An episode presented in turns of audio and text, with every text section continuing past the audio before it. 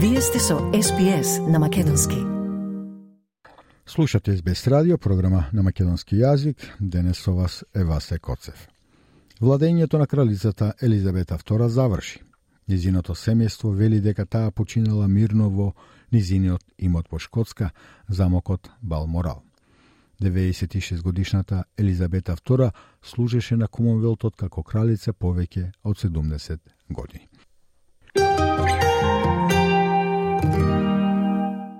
Елизабета Александра Мери Винзор е родена во 1926 година.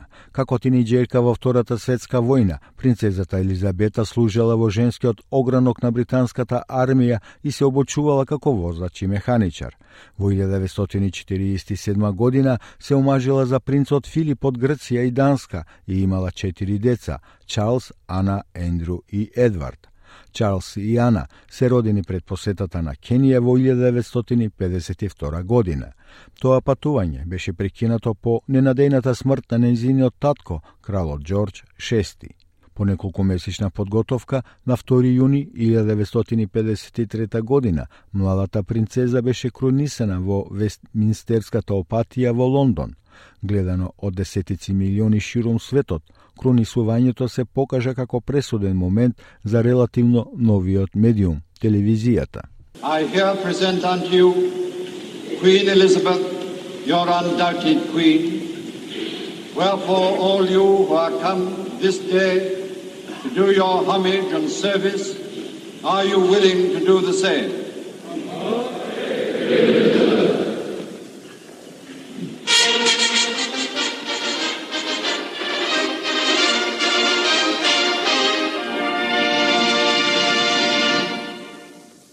Неколку години пред незиното доаѓање на тронот, принцезата Елизабета го посветила својот живот на служба на Комонвелтот. Националниот конвентор на австралијците за уставна монархија, професорот Дейвид Флинт, вели дека незината посветеност да служи била пренесена во Комонвелтот на незиниот 21 роден ден во април 1947 година, кога била со незините родители и помладата сестра на турнеја низ Јужна Африка. При тоа професорот Флинт го издвојува говорот кој ја содржеше познатата одредба во неа кога рече кралицата дека изјавувам пред сите вас дека целиот мој живот без разлика дали е долг или краток ќе биде посветен на вашата служба и на службата на нашето големо царско семејство на кое сите припаѓаме. She had an extraordinary long reign and it was the longest reign of any monarch in our system and it was marked overwhelmingly by a sense of service. And that began when she was 21 in Cape Town, when she was there with the royal family in Cape Town on his 21st birthday. And she went on the radio and spoke to the Commonwealth, and she delivered a speech which contained a famous provision in it in which she said, I declare before you all that my whole life, whether it be long or short, shall be devoted to your service and to the service of our great imperial family to which we all belong. That was singular in its clarity, and it was something which she constantly observed at every moment throughout her whole life. Комонвелтот е составен од 54 независни земји со вкупно население од 2,4 милиарди. Современиот Комонвелт беше формиран на 26 април 1949 година, кога лидерите на Австралија, Канада, Индија, Нов Зеланд, Пакистан, Јужна Африка, Шри-Ланка и Обединетото кралство ја усвоија Лондонската декларација, која го дефинира Комонвелтот како, цитирам, слободна асоциација на независни земји членки. Кралицата Елизабета е начело на Комонвелтот и таа е исто така шеф на држава на 16 земји од Комонвелтот, вклучително и Австралија.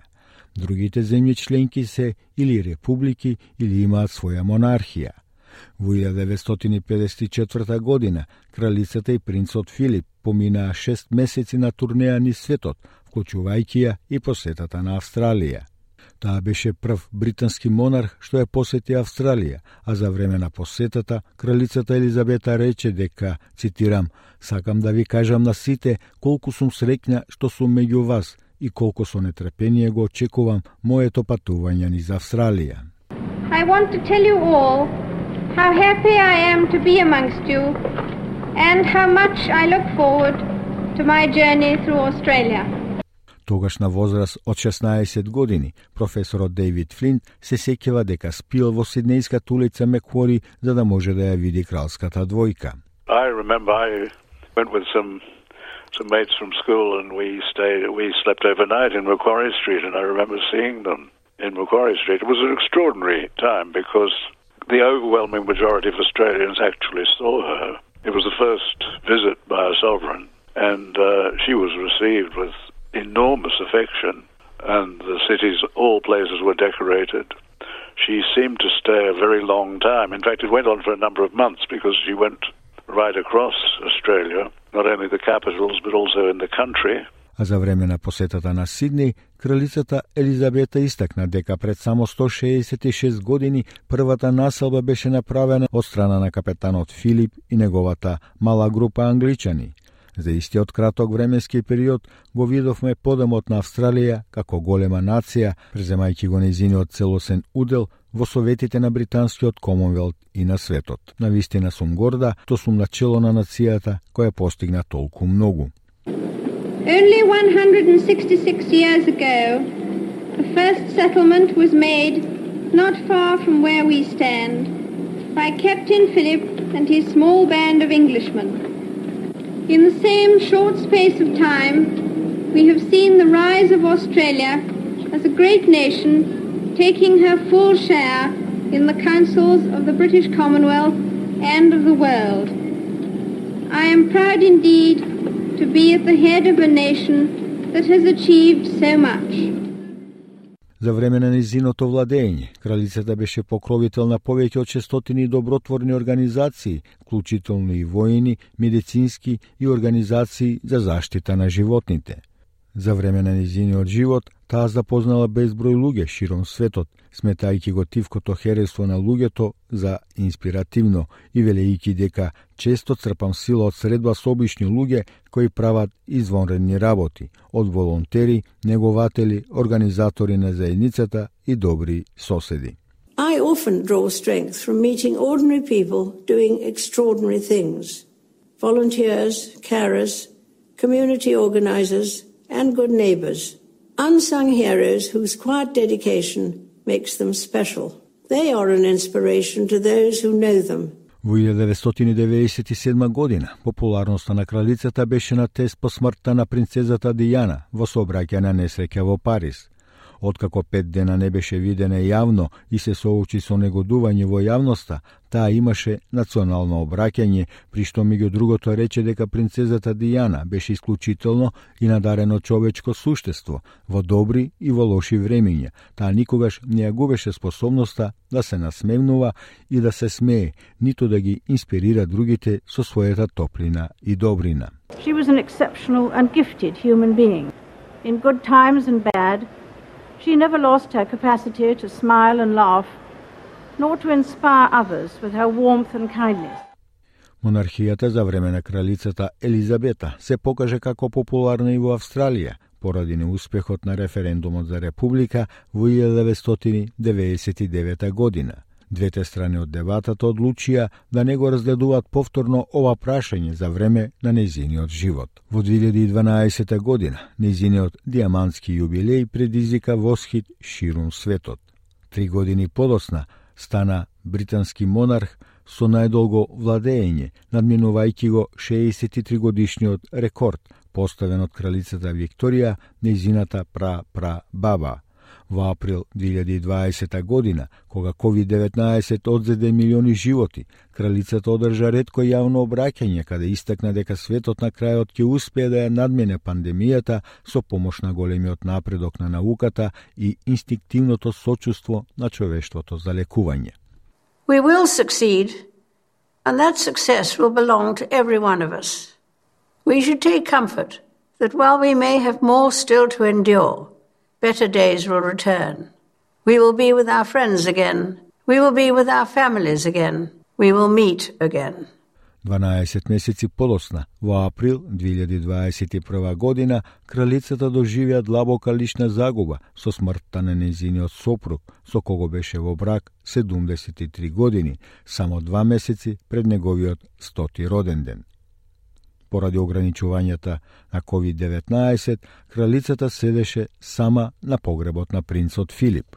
We have been inspired by his unwavering loyalty to our Queen, by his service to the nation and the Commonwealth, by his courage, fortitude and faith. Но принцот Чарлс доби задача да му оддаде почит на својот татко. My, my dear papa was, a, was a very special person who, I think, above all else, would have been amazed by the reaction and the touching things that have been said about him. Кралицата Елизабета се осврна и на собствената смртност во видеообраќањето пуштено пред делегатите на климатскиот самит на Обединетите нации во Глазгов во ноември истата година, кога рече дека времето за зборови сега премина во време на акција. Се разбира, придобивките од таквите постапки нема да ги уживаме сите ние овде денес. Никој од нас нема да живее вечно, но ние го правиме ова не за нас самите, туку за нашите деца и децата на нашите деца и оние кои ќе ги следат нивните стапки. The time for words has now moved to the time for action. Of course, the benefits of such actions will not be there to enjoy for all of us here today. We none of us will live forever. But we are doing this not for ourselves, but for our children and our children's children, and those who will follow in their footsteps. Кога кралицата влезе во својата платинеста јубилејна година, прославувајќи 70 години на престолот, кралското семејство се најде под контравези околу принцот Ендрю и неговото пријателство со осудениот педофил Джефри Епштейн и напорната врска помеѓу принцот Хари и неговата сопруга Миган Меркел и остатокот од семејството. Но почет пристигна од целиот свет вклучително и од тогашниот австралиски премиер Скот Морисон, кој се осврна на моментот кога таа стана кралица. Years before that heartbreaking day of accession on her 21st birthday in a broadcast from South Africa, the future Queen declared, I declare before you all that my whole life, whether it be long or short, shall be devoted to your service and the service of our great imperial family to which we all belong. Looking across the vista of three quarters of a century, we can say that Her Majesty has in every way been faithful to that vow. Throughout her reign, Her Majesty has been a steadfast and unifying presence in the life of our world and in the life of our nation as Queen of Australia. Even in our capital, we see her recurring presence. Here in Canberra, Her Majesty opened the High Court in 1980 the National Gallery in 1982, our Parliament House in 1988.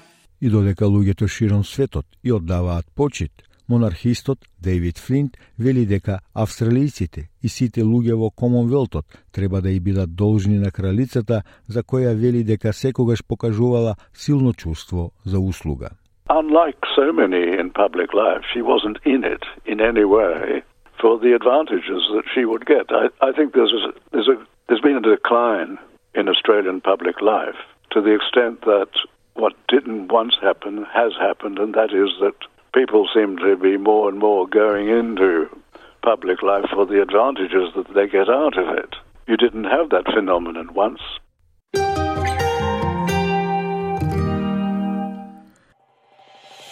Сакате ли да чуете повеќе прилози како овој? Слушате подкаст преку Apple Podcasts, Google Podcasts, Spotify или од каде и да ги добивате вашите подкасти.